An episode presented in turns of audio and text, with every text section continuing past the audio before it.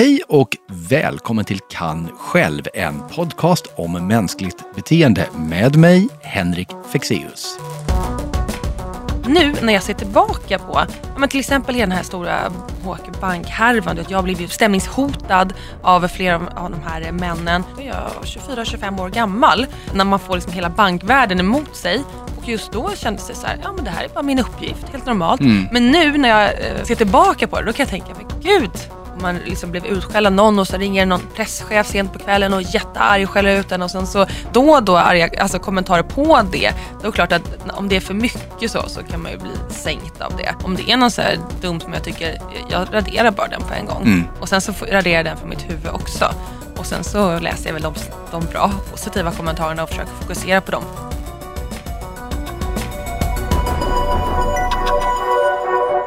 I det här avsnittet av Kan själv så tänkte jag att du och jag ska undersöka en av de starkaste faktorerna som påverkar vårt beteende, nämligen rädsla. Och inte vilken rädsla som helst, därför att vi drivs, upplever jag, av en väldigt specifik form av rädsla och det gör vi kanske mycket mer än vi tror. Jag skulle kunna gå så långt så att hävda att det här påverkar de flesta beslut vi fattar. Eh, både beslut som har med oss själva att göra, beslut som har med andra människor att göra. Det kommer påverka hur vi väljer att vara utåtagerande. Det kommer påverka hur vi väljer att inte vara det. Och det kan, den här rädslan har absolut sitt fog. Den kan vara vettig ibland, men oftast så hindrar den oss. Och det jag pratar om är det som jag kallar för social rädsla. Och Det kan kännas som att nej men det lider inte jag av, men jag skulle vilja hävda att vi alla har det lite till mans, även i vardagen. Tror jag i alla fall.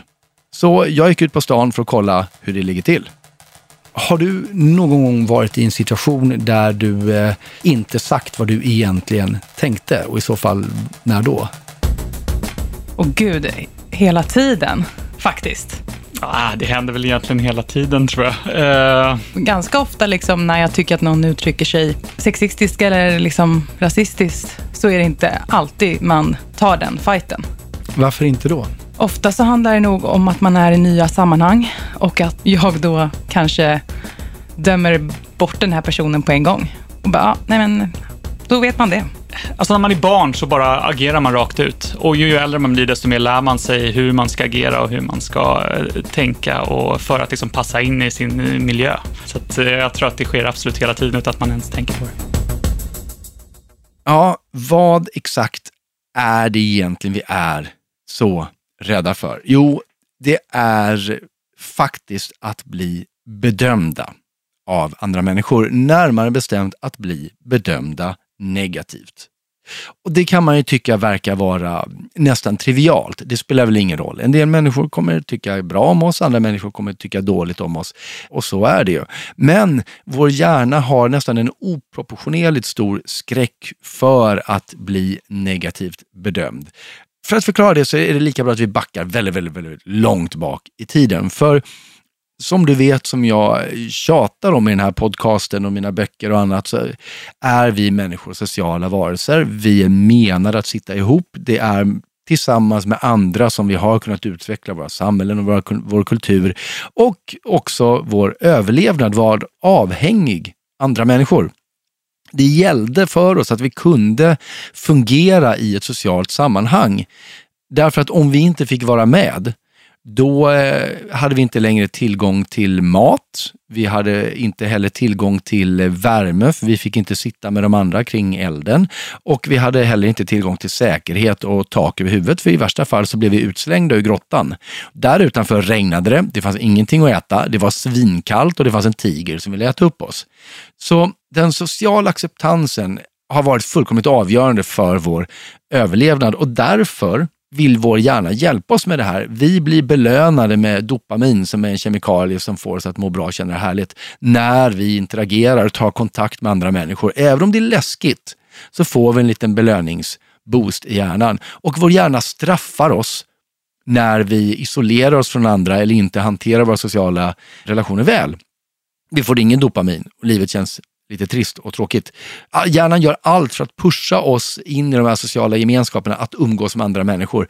Därför att en gång i tiden var det det vi behövde för att överleva. Det är det ju inte fortfarande, i teorin i alla fall. Men eh, hjärnan har inte riktigt fattat det. Så den agerar som om det vore på liv och död. Och av det följer ju då också att om det här gänget nu, som vår hjärna gör allt för att knuffa oss mot att, att hänga med, att vara med, om, eh, det det blir ju väldigt viktigt att de accepterar oss då också. Och, och det är därför som social acceptans och respekt är bland toppgrejerna som skapar meningsfullt liv. Till och med den toppgrejen. Men vad händer då om de tycker illa om oss? Vi inte får vara med ändå fastän vi så gärna vill. Det står en del på spel här. Och det är den rädslan som gör att vi inte räcker upp handen på det där månadsmötet. För tänk om någon inte tycker om vad vi säger. Då kan det leda till att vi inte längre får vara med, med dem här inne i grottan. Så är resonemanget. Och eh, det är ju lite tråkigt för oss att, att, att vår hjärna är fast i det här eh, programmet. Men nu är den det. Och det går som tur är att träna bort det här. Och jag tycker också att man ska försöka träna bort det. Därför att problemet är att den här viljan då som man kan ha, att, att man vill vara alla till lags eller man vill agera lite under radarn. Det skapar en ganska platt och tillintetsägande personlighet. Och även på insidan så blir det ju en källa till frustration. Därför att man knyter näven i fickan eller man känner att åh, jag hade velat säga eller göra någonting annat. Och så blir man lite besviken på sig själv och så förstår man inte varför man inte klarar att stå upp för sin sak eller vad det nu handlade om just där. Och, och ingen, ingen vill ju vara mellanmjölk. Ingen vill ju vara den där mjäkiga som bara håller med. Därför de personerna, det här är väldigt märkligt men det kan låta lite som att det jag ska säga nu säger emot det jag sa nyss, men det finns också studier som visar att personer som bara håller med, personer som är trevliga hela tiden, de tycker vi mindre om efter ett tag. Och det finns några olika anledningar till det. En anledning som har angetts som skulle kunna vara orsaken till det här är att de ger oss skuldkänslor. Därför att de verkar vara så himla bra och medgörliga och vi vet att vi inte är det. Jag tror kanske lite mer på att det helt enkelt är så att vi vet att ingen är så där naturlig och flexibel av naturen och vi förstår att det är ett spel, vilket gör den här människan oäkta. För så här är det. Om du är som du vill vara, då kommer det alltid reta någon. Och jag menar inte att, att det är därför att sättet du vill vara på är att inte visa hänsyn eller vara respektlös eller vara bufflig eller, eller bete dig illa. Absolut inte. Du kan vara världens mest sociala och omtänksamma och empatiska person. Men det är ändå så att det kommer alltid finnas någon som inte tycker att man bör göra de val i livet som du har gjort eller inte tycker att du har valt en bra väg att gå helt enkelt för att de själva kanske inte ens förstod att den fanns att välja och nu är de avundsjuka. Det finns tusen orsaker, men sanningen är att om du är dig själv så kommer du möta på negativt motstånd. Någon som tycker att du går fel väg och gör fel. Och då är vi ju där igen. Hur bemöter vi det då? För idag är det också väldigt lätt att få det här motståndet. Och då tänkte jag att vi ska ta lite hjälp av en person som eh, nästan, eller nästan, som har gjort det till sin eh, mission i livet att ställa sig mitt i blåsvädret och inte kröka ett hårstrå. Och det är nämligen dagens gäst. Välkommen hit till Kan själv, Carolina Neurath. Tack! För eh, hela Sverige just nu är du kanske mest känd för att du sitter i Morgonstudion på SVT. Mm. Men det finns en anledning till att du är där och det är också samma anledning till varför du är med i den här podden. Därför att skulle, eh, skulle det vara rättvist att säga att, jag tänker dra typ din CV nu, för det har med Gör hela det det. här ämnet att göra. Ja. Skulle det vara rättvist att säga att det hela liksom sparkade igång på allvar för dig vid kanske 2010, 2011 någonstans? Ja, alltså jag började jobba som journalist 2008 men eh, jag blev väl med, skrev, började skriva böcker där omkring. Just det, för ganska snabbt, och då var du på Svenska Dagbladet Mm. som näringslivsreporter. Ja. Och ganska snabbt så gjorde du dig ett namn i att du eh, klädde av en av de kanske Och med, med kollegor klädde av en av de kanske smaskigaste härvorna i svensk ba- bankhistoria, nämligen HQ Bank. Mm. Eh, och det blev jättestort och det blev en bok som heter Den stora bankhärvan heter Så den. heter den. Ja, men precis, jag började skriva i Svenska Dagbladet om den här härvan och granska Ja. den. Men sen kände jag att det fanns så himla mycket kvar att granska och då tog jag alltså tjänstledigt och skrev en bok. Just det. Och den blev nominerad till Guldspaden 2012 också, året efter den kom Dock, ut. dock ingen vinst, men Nej, nominering. Fast, fast å andra sidan två år tidigare så fick du Guldspaden, eller hur? Exakt. Så att du var igång och grävde redan tidigt. Ja. Och där på något sätt så känns det som att det fördämningarna öppnade och sen så var du med och gav eh, revisionsbranschen pisk, såg till att de började betala skatt. Mm. Du skrämde upp alla bankerna och, och eh, skapade bolåneindex, vill jag minnas att det heter. Där de, Precis, man kan säga att vi fick eh, banken att börja redovisa vad folk egentligen betalar i ränta. Mm. Innan hade man alltid gått ut med ett så kallat listpris, det här är liksom högsta priset. Men nu, nu ville vi så här, vara öppna med vad, vad är det faktiskt man kan förhandla till sig för ränta. just det. Och någonstans i de här vändorna så blev det också Stora Journalistpriset. Mm. Och när du väl då är i en position där hela så närings och eh, finans-Sverige står i nervös givakt bara de hör ditt namn. Då ser du till att förverkliga det som är, vet jag, de flesta journalisters hemliga dröm, nämligen att också börja skriva skönlitterära romaner. Du har skrivit två romaner, Fartblinda, Gränslösa. Det har gått väldigt bra. Man ser det här överallt. Och det känns ju, utifrån så ser det ut som att du bara går från klarhet till klarhet med liksom fanan i, i topp. Har du alltid varit så här? Var du alltid den som räckte upp handen på mötet och bara, nej men jag har en grej att säga? Eller, Nej, det skulle jag inte säga. Jag tror så här att jag har nog alltid eh, haft mycket energi Mm. och, och velat göra mycket saker. Jag tror att jag har ganska så mycket mm, kapacitet. Sen gäller det att rikta den där rätt och det vet jag inte alltid om jag har gjort. Alltså jag, var, jag var nog ganska stökig i skolan alltså när jag var mindre och så. så att men du verkar så orädd. Eh, ja, men det är jag nog. Jag har nog alltid varit orädd. Det är, Ja. det är nog en egenskap som jag... eh, Fast samtidigt, när man är i någonting så ser man inte på sig själv som orädd. Nu när jag ser tillbaka på, men till exempel i den här stora HQ Bank-härvan, jag blev ju stämd av, eller stämningshotad av flera av- de här männen. Eh, och jag spelar upp mitt sommarprat när jag sitter på ett möte och då är jag, då är jag 24-25 år gammal. Eh, när man får liksom hela bankvärlden emot sig. Och just då kändes det så här, ja men det här är bara min uppgift, helt normalt. Mm. Men nu när jag eh, ser tillbaka på det, då kan jag tänka, men gud, då kan jag tänka att det var väldigt modigt att man var så ung och Mm. eh, så eh, kaxig och säker på sin sak och stod på sig. Men du sa det, det här är min uppgift. Vad, hade du en förmåga att separera person från uppgiften? Då? Ja, absolut. Alltså, någonstans, för mig var det bara jätteviktigt då att granska den där banken och se till vad som hände i hela bankkraschen och få fram vad som egentligen hade hänt. För det hade varit mycket att alla bara skyllde ifrån sig och det var ändå flera tusen aktieägare som hade förlorat massa pengar. Och jag kände bara att jag måste mm, försöka berätta vad det är som har hänt här.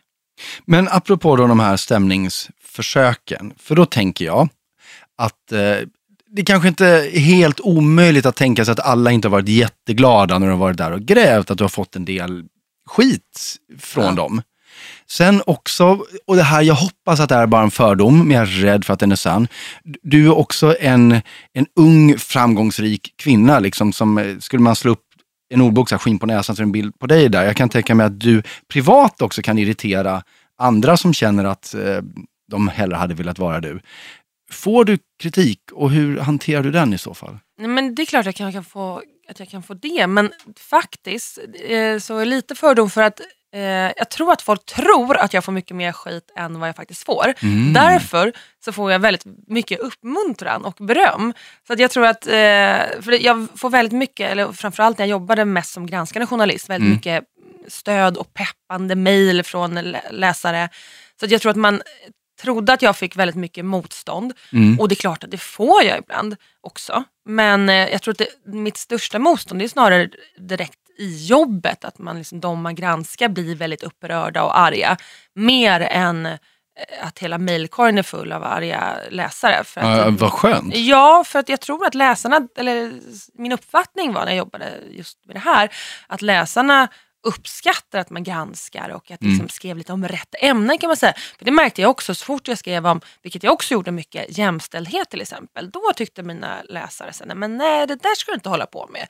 För om man får eh, liksom klassa trollen på ett sätt så är ju de, det är väl någonting de stör sig över så är det svårt om man skriver om eh, ja, men någonting som är positivt om invandring eller eh, jämställdhet. Det är väl det som de går igång Topp på. två. Ja, precis. Och, eh, egentligen har jag skrivit lite grann om båda. För dels så granskar jag ju privata aktörer på asylmarknaden med Bert Karlsson. Och jag har ju en sån, jag vet inte om du har sett den intervju jag gör med honom när han blir helt vansinnig Nej, jag har faktiskt inte gjort det. Nej, men den är, den är, han blir helt tokig. Det är så förbannat på er när ni håller på såna här dumma grejer. Ni är så dåligt pålästa så ni kan inte ett jävla skit. Ni kan inte ens skriva artiklarna ordentligt. Nej, men det är därför Nej, vi men ställer diskutera frågorna. inte Det mig är därför med vi mig ställer i de frågorna. ba- Ja men hur fan kan du påstå när jag sitter och säger en tredjedel går, går till, till boendet, en tredjedel går eh, till maten. Det är 100 kronor. Är det vinst då? När du har 10 anställda plus allt annat som ska betala. Vi frågar vad Ja, vinsten men du är. behöver inte fråga. Du- Sluta med att prata. Vad är det det du är intresserad av hela tiden? Ta reda på då för fan eh, verkligheten. Se boksluten istället, då får du se vad vinsten är. Vänta då tills vi har avvecklat alltihopa, då kan du komma tillbaka. Och där fick jag de här riktiga trollen emot mig. Att där, där kände de att rör inte Bert. Alltså, där, där. Nej, en, en folkkär Ja. individ som ordet är. Ja. Men, men vad, hur hanterar du det då? Därför att å ena sidan trollen Mm. och sen samtidigt även så här, om jag, även om jag kände att jag var i min yrkesroll, om du skulle skälla ut mig nu efter noter för du tyckte att jag gjorde en jättedå, att vi hade ett jättedåligt samtal, Mm. att jag kastade bort din tid. Jag skulle ju på något sätt känna det personligen, även om jag gjorde det jobbets vägnar. Så hur, hur hanterade du det där? Jag tror bara att man är så himla... Alltså jag tror man går in, eller jag utan att ha det som ett mål, så, men man går in i någon slags yrkesroll och bara, man är inte riktigt, man går ur sitt privata jag på något sätt. För att jag är faktiskt som privatperson ganska konflikträdd. Alltså jag är nästan aldrig ovän med mina vänner. Jag tycker det är jättejobbigt om det blir någonting. Och jag är, så här, är det något bråk, jag tar helst på sms och bara försöker... Så här, jag vill inte så här, konfrontera. Jag tycker det är jättejobbigt. Medan om jag sitter där med Bert Karlsson mitt emot mig som skriker så känner jag så här, men jag måste fortsätta ställa den här frågan. För jag, nu vill jag ha svar på det här och förklara vad jag menar. Och där känner jag så här, då måste jag bara behålla lugnet. Sen när jag, vad jag, jag gjorde den ihop med en kollega Frida Sundqvist, när vi gick därifrån så var, var man ju skärrad och då kände man att man nästan skakade. Men just där i stunden kände man sig bara jättelugn för då är man så himla bara fokuserad på uppgiften. Så det, det är som att man kliver ur sig själv på något sätt. Så du, du, du lyckas med konststycket att inte bli ledsen när troll skriver elaka kommentarer om dig? Ja, sen tror jag också så här, jag började så himla men jag var ju, när jag började som journalist var jag väl 22. Jag började på Dagens Industri Ja. och di.se och jag skulle säga att deras kommentarsfält, eller var då, i alla fall på den tiden, jag, tror, jag vet inte ens om de har kvar kommentarerna idag, alltså kommentarsfälten, men de var väldigt, väldigt hårda. Mm. Eh, och då, ehm, då var det väl ganska så hårt tonläge. Jag tror någonstans att man blev så himla van från så tidig ålder. Eller det var någonting som man, man kände bara att jag, jag får väl välja att antingen knäcks jag av det här eller så får jag bara hantera det och ignorera det. Så att jag tror att, att eh, jag är så alltså, luttrad Ja. faktiskt. Så att jag tror att eh, jag blir inte så påverkad om det inte är, skulle vara något väldigt, väldigt personligt. Men det tycker jag inte att det har varit. Utan det är väl mer slängigt. Liksom. Ja, Du, du slipper liksom de giftiga grejerna på Instagram sådär. Ja, alltså på Instagram är de ju överlag ganska schyssta. Eh, utan det har varit liksom kommentarsfält och sånt som, som har varit värre. Ja. Eh, bara som ett exempel, eh, jag, varför jag pratar, kom och tänker på den här Bert-grejen också, för jag, just min nuvarande bok är faktiskt, jag sitter och försöker skriva om en eh, roman som är baserad på eh, granskningen av eh, eh, asylboenden som vi gjorde. Det här tredje romanen. Ja, precis. Jag Ah. försöker, ska jag säga. Och då klickade jag faktiskt upp det där, in, den där um, utbrottet som finns på Youtube. Och då läste jag kommentarerna och tänkte så här, men det här... Men sen så är det så grovt, så det är nästan Mm. svårt åt andra hållet att ta åt sig av det också. Det var, det var ju grejer om mig, eller sådär, men, men också så här, någon borde bara spränga de där asylboenden. Det, det är så hårda saker så att man nästan... Det går nästan inte att ta på allvar, alltså för det är så fruktansvärt. Men och kommentarerna mot, mot dig då, samma sak där, du bara skjuter dem ifrån dig? Ja, för det mesta. Sen, sen är det klart, att man kan ha perioder när man är svagare. Alltså som som eh, när man håller på med något, eller när jag då eh, höll på med granskningar och man var mitt uppe i någonting och man liksom blev utskälld av någon och så ringer någon presschef sent på kvällen och är jättearg och skäller ut en och sen, så, och sen då och då arga, alltså kommentarer på det. Då är det klart att om det är för mycket så, så kan man ju bli sänkt av det. Så att om man om man, det är klart att jag också kan ha svackor men jag tror att jag generellt är ganska bra på att stänga av. Ja, du Det- måste vara det. Ja, för jag tänker, det är samma sak nu när vi gör Morgonstudion. Eh, då gör jag en sak som mina kollegor inte gör. Att jag sitter faktiskt på Twitter och har hashtag Morgonstudion uppe för att se vad skriver folk om oss den här morgonen. Och, eh, jag hörde att det var en annan kollega på Aktuellt som hade gjort det och, och min kollega berättade att hon blev bara så här, man såg hur hennes humör liksom nästan påverkades av det här. Men, men jag kände så att jag, har vi sagt något fel eller gjort något dumt den här morgonen, jag, då vill jag se, jag vill se vad folk Jo, skriver. men det bygger ju på att folk skriver konstruktivt och det Ja. kan man väl inte, den förhoppningen kan man väl kanske inte alltid Nej, ha. och, men det ska jag säga, jag skulle säga att det är ungefär 50-50. Ja. Alltså, ibland kan jag förstå, ibland är det konstruktiv kritik. Det kan, alltså, jag menar, vi är ett nytt program, det är teknikmissar och det är namnskyltar som saknas och, och så vidare. Så att, ibland är det konstruktivt. Och sen så är det klart att någon bara "Åh, jag stänger bara av tvn, hatar det här. Men det känner jag så här, ja, gör det då. Ja. För att det där är, hör och häpna, ibland blir, får jag också en och annan kommentar, märkligt nog. Och min, min strategi har varit att jag försöker att inte se de arenorna. Är det sånt som publiceras offentligt, om det är tidningsrecensioner och sånt, det läser jag. Men sånt där som folk bara kan skriva på nätet i något forum, det tar jag aldrig del av. För att det känns liksom. Och, eh, och så såg jag en kommentar på, eh, ibland behöver jag ISBN-numret på mina böcker och då går jag upp på någon sån här boksajt på, på nätet och en av dem hade liksom använda, läsa kommentarerna direkt under informationen jag behövde. Så jag lyckades vid ett tillfälle se liksom en av de här. Och man behöver inte tycka om det jag skriver. Och eh, har man någon synpunkt, men jag håller inte med dig där, jag tycker det där är fel, eller det här var, jag gillar inte sättet du skrev på därför att det har jag inga problem med alls. Men det är den här okonstruktiva kritiken som jag inte heller kan bemöta för en enväga. Och den recensionen jag skrev var bara ett ord. Och den här personen har skrivit fruktansvärt. Och då blev jag så här, men hur, hur menar du? Menar, var den dåligt skriven? Tyckte du inte om ämnet? Eller på vilket sätt är den här boken fruktansvärd? Jag förstår inte ditt val av det ordet. Och du hör, jag bär med mig den här fortfarande. Den gör inte så ont idag. Men när jag såg den, så här, men vad fan? Hur, vad med, kan du, här, kom och för...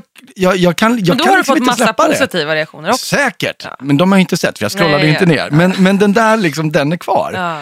Eh, så att, eh, ja. Det, det Jag skulle är... inte kunna sitta med Twittern, det är det, det jag Nej, försöker jag säga. Men sen tror jag att jag också, jag kanske har blivit bränd av vissa delar. Jag skulle inte heller, jag skulle inte ge mig in i så for, jag skulle inte ge mig in på Flashback och läsa mig själv. Nej, Alltså, det, det- låter ju som en övning självspäkelse. Ja, men det är, där, där är det ju dårar. Så det gör, det gör jag faktiskt inte. Men just Twitter ja, och Instagram, det känns det som att det är ändå okej ton. Sen finns det vissa som såklart spårar där också. Men jag, jag känner inte att jag har blivit liksom bränd av någon av de där kommentarerna faktiskt. än. Nej.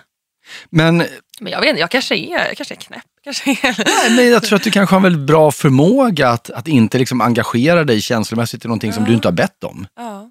Och sen så hoppas jag att, jag, att, det, att det kanske är så att jag är likadant åt andra hållet också. Jag blir ju glad av beröm. Det kanske är så att jag liksom inte att jag liksom någonstans bara håller mig på någon så neutral Ja, nivå. just det, du väljer. Ja. Men du har, med, med tanke på att, att du då, vi pratade om innan, en utskällning av Bert Karlsson efter noter är någonting som skulle få de flesta att kissa på sig tror jag. Och eftersom du ändå har gått igenom det, så tänker jag att eh, beröm på Instagram, det är ju väldigt, väldigt lätt att berömma människor. Nu säger Instagram, jag menar alla sociala medier egentligen.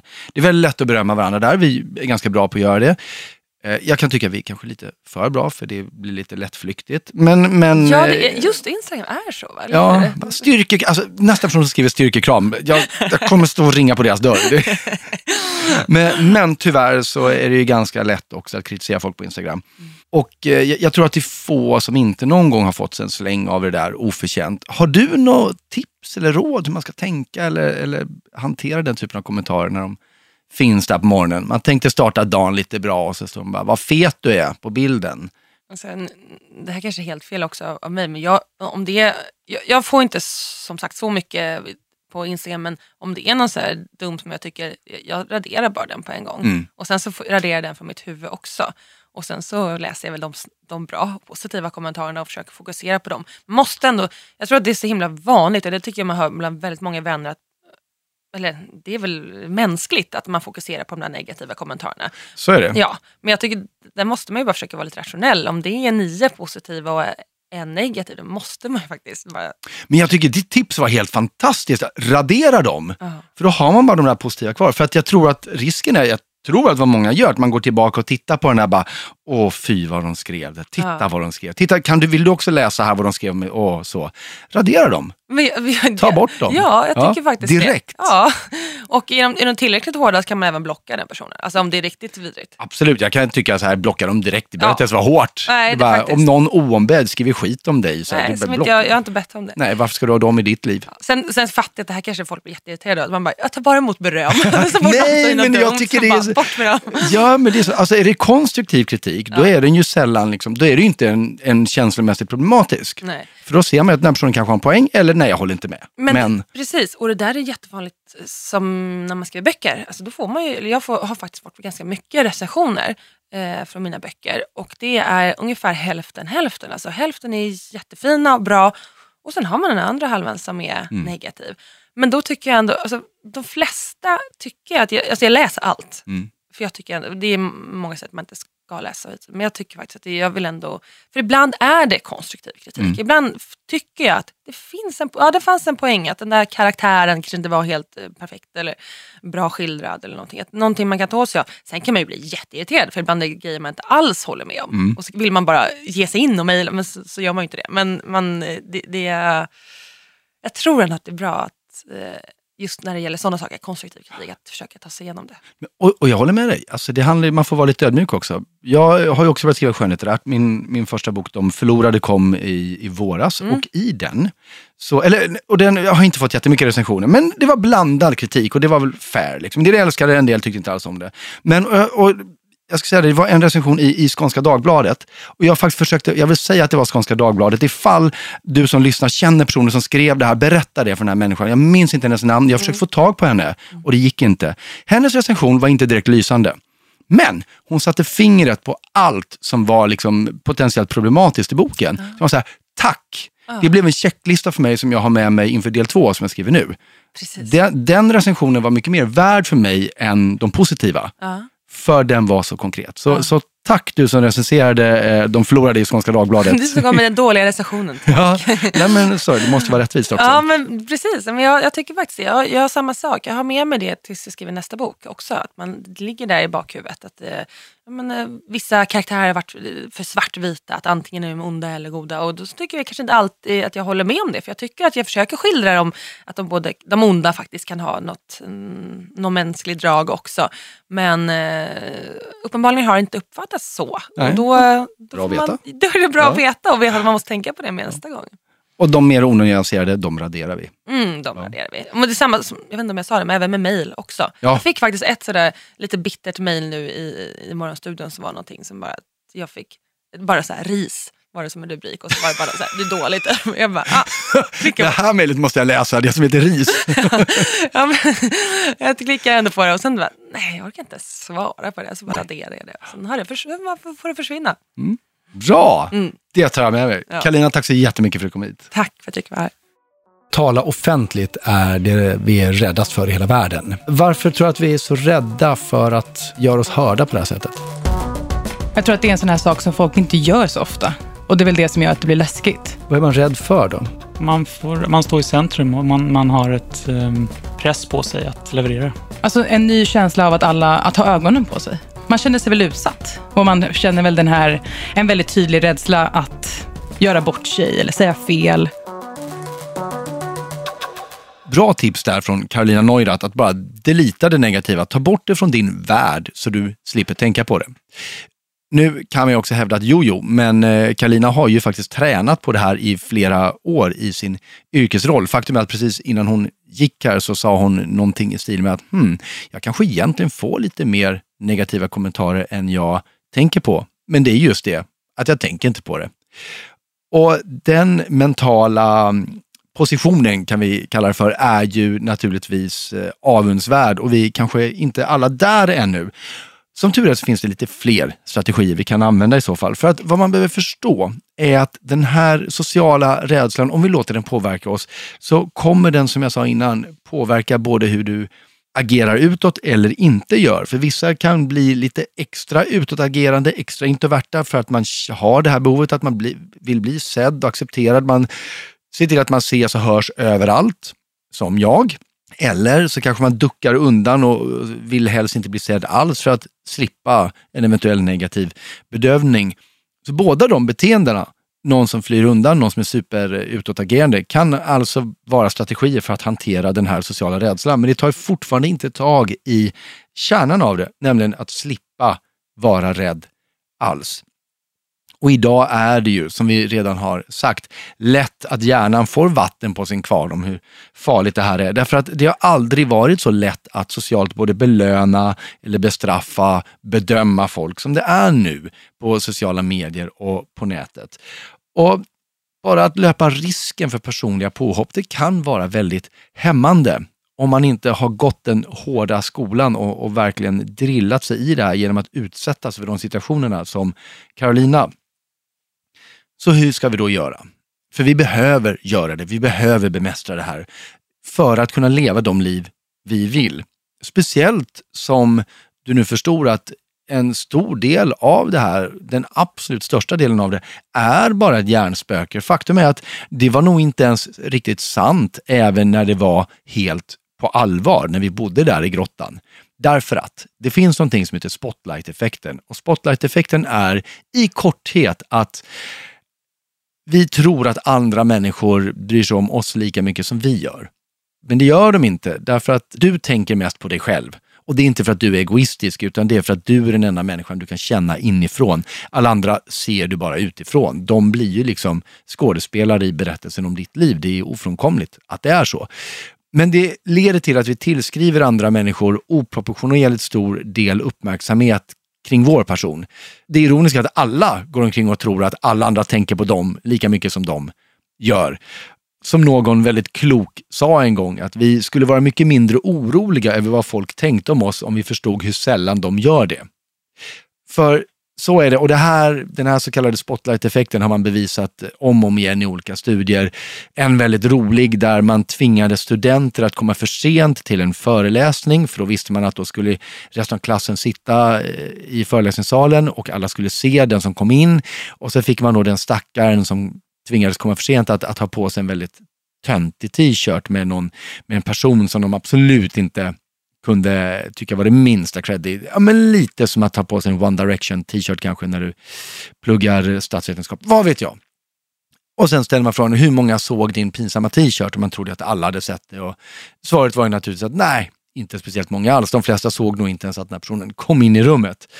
Så att till att börja med så eh, gör ju det också att kan lätta upp det här för att eh, rädslan att bli bedömd kräver ju att andra iakttar oss och reflekterar över oss och kanske analyserar oss och har en åsikt om vad vi gör och sanningen är att 90 procent av tiden så gör de inte det för de sitter också och tänker på sig själva.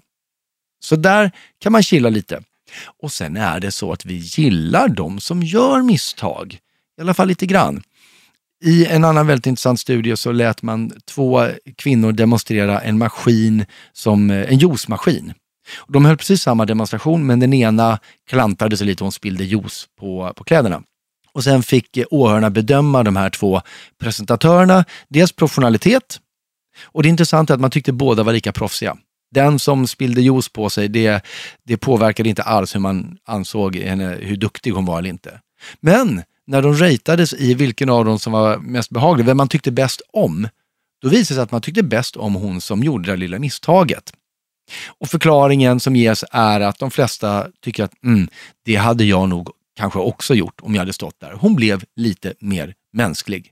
Så vi behöver inte vara rädd för att göra sociala misstag. Tvärtom kan de vara gynnsamma. Beroende på vad de är naturligtvis, men du fattar poängen. Och dessutom, är det ju så här att om någon begår en social blunder, vi minns inte det. Igen på grund av spotlight-effekten. Vi tänkte mest på oss själva när det här hände. Men också för att tillvaron är full av dem. Nästa gång du är i ett samtal med några personer, notera hur ofta folk begår liksom saker som du kanske är rädd för att göra. Hur ofta någon tappar tråden eller berättar ett skämt som inte alls funkar. Eller en berättelse som bara är alldeles för lång och ganska tråkig. Och notera hur det inte spelar någon roll. Folk stönar lite åt det där skämtet eller man säger, du, vad var det du skulle komma till egentligen? Och sen är man iväg på nästa grej. Det betyder ingenting för någon. Utom möjligtvis den som kommer ihåg att oj, jag gjorde det där. Hur länge kommer folk nu tänka på det här? Nej, ingen. Ingen tänker på det. Problemet igen är ju att vi har väldigt lätt att, att kommentera de här sakerna i sociala medier och där blir det ju permanent, tyvärr. Och då behöver vi använda Carolina Neuraths tekniker och en av dem som vi hörde är att också kunna skapa distans. För så här är det att spotlight-effekten till trots, livet handlar ju faktiskt inte om dig personligen. Det här är någonting som jag fick lära mig väldigt konkret på scen. När jag är ute som mentalist så betyder det att under mina föreställningar så tar jag kontinuerligt upp slumpmässigt utvalda personer på scen och så händer det grejer som eh, inte borde kunna hända. Vi läser varandras tankar eh, eller påverkar varandra på märkliga sätt. Och jag kan inte styra vilka de här människorna är eftersom de tas upp slumpmässigt och det betyder att ibland går det fel. Det blir inte som jag har tänkt mig. Om jag i det läget tycker att det är jobbigt, då blir det jobbigt för alla andra också. Då blir det jobbigt för de 800 som sitter där och har vikt en hel kväll och betalat massa pengar för att se mig. Och det är den sista upplevelsen jag vill ge dem naturligtvis, att det är jobbigt. Men så länge jag inte tycker att det är jobbigt har jag märkt att det blir inte ett problem för någon annan heller. Så ett sätt att möta den här sociala rädslan, vad ska alla andra tycka? Det är helt enkelt att vara väldigt tydlig med att visa att för mig eller för dig är inte det här ett problem. Du tycker inte att det är jobbigt, du tycker inte att det är pinsamt, du är inte rädd för deras åsikter för du vet vad din är. Och resultatet blir då väldigt ofta, ja, fine. En enkel teknik för det här är att när du, om, du, om du skrattar istället för att få panik, när du inte minns någonting under en presentation, om du eh, säger oj, ha, nu har jag faktiskt ingen aning om vad det var jag skulle säga, jag måste kolla mina papper. Då upplevs du ändå fortfarande vara i kontroll. Du kommer fortfarande ha människors förtroende. Ingen kommer tycka att det blev jobbigt. Det kräver ju en ganska bra självbild förstås att ha sinnesnärvaron och göra det här. Men det bästa är att du kan fejka. Om du tycker att det är jobbigt att hålla en prestation på jobbet, nästa gång du gör det, håll lite koll på din andning så du inte börjar hyperventilera och berätta hela tiden vad som händer inom dig. Är du väldigt nervös? Säg det. Kommer du av dig? Säg det. Och visa att det är okej. Okay. Och tro mig, ingen kommer tycka att det är jobbigt och ingen kommer bedöma dig negativt eller skriva någonting elakt på Instagram om det. Därför att ingen dog. Och de har, kommer inte riktigt ihåg vad som hände heller, för de har ju annat att tänka på. Säg själva. Så när du presenterar material till exempel, varför jag tjatar om det, varför jag tjatar om att presentera material är för att tala offentligt är ju det vi tycker är läskigast i hela världen. På andra plats kommer, kommer döden. Eh, och, och, därför förtjänar det lite extra fokus, för det är ju där vi är så rädda för att bli socialt bedömda när vi ska prata inför andra. Du behöver inte vara superproffsig, du behöver vara förberedd, men du behöver vara mänsklig. Titta dina manus när du behöver och är det en åsikt som du tror att inte alla kommer hålla med om, lägg fram den som att det är bara en hypotes. Det här är ett sätt att se på och säga att det kan finnas information du inte känner till, men här är en idé du vill bolla. Ta lite pauser. Och en teknik som jag har pratat om tidigare. Ett bra sätt att träna på det här, att eh, fila bort kanterna på rädslan för social bedömning, är att börja göra det här i lågrisksituationer. Det vill säga där du inser att den negativa sociala bedömningen eh, ändå kommer vara låg eller inte spelar så stor roll. Då kan du börja testa de här grejerna. Därför att då tränar du successivt om din hjärna och programmerar om den till att hamna på den här härliga, sköna nivån där du kan vara ärlig med vad du tycker och säger och om folk har problem med det så kan du bara radera dem från Instagram. Så eh, det blev väldigt mycket på en gång här kände jag. Det blev kanske till och med lite rörigt. Du kanske behöver lyssna på det här slutet några gånger till för att bena ut allt jag pratade om. Men det var så mycket jag ville, ville få sagt. Eh, jag hoppas att du fick eh, någonting vettigt av det. Att du börjar fundera på, eh, var ärlig mot dig själv, hur mycket de sociala rädslorna faktiskt kanske spelar in i ditt liv, även utan att, att du har tänkt på det. Och börja hitta sätt att hantera dem för att nå en bättre självbild och få det härliga, meningsfulla livet där du står för vem du är och är glad i det. Och jag hoppas att du fortsätter göra det ända till nästa vecka då vi hörs igen. För det här var Henrik Fexeus, det är jag och det du har lyssnat på är podcasten Kan själv om mänskligt beteende. Ha det fantastiskt, vi hörs igen. Hej då!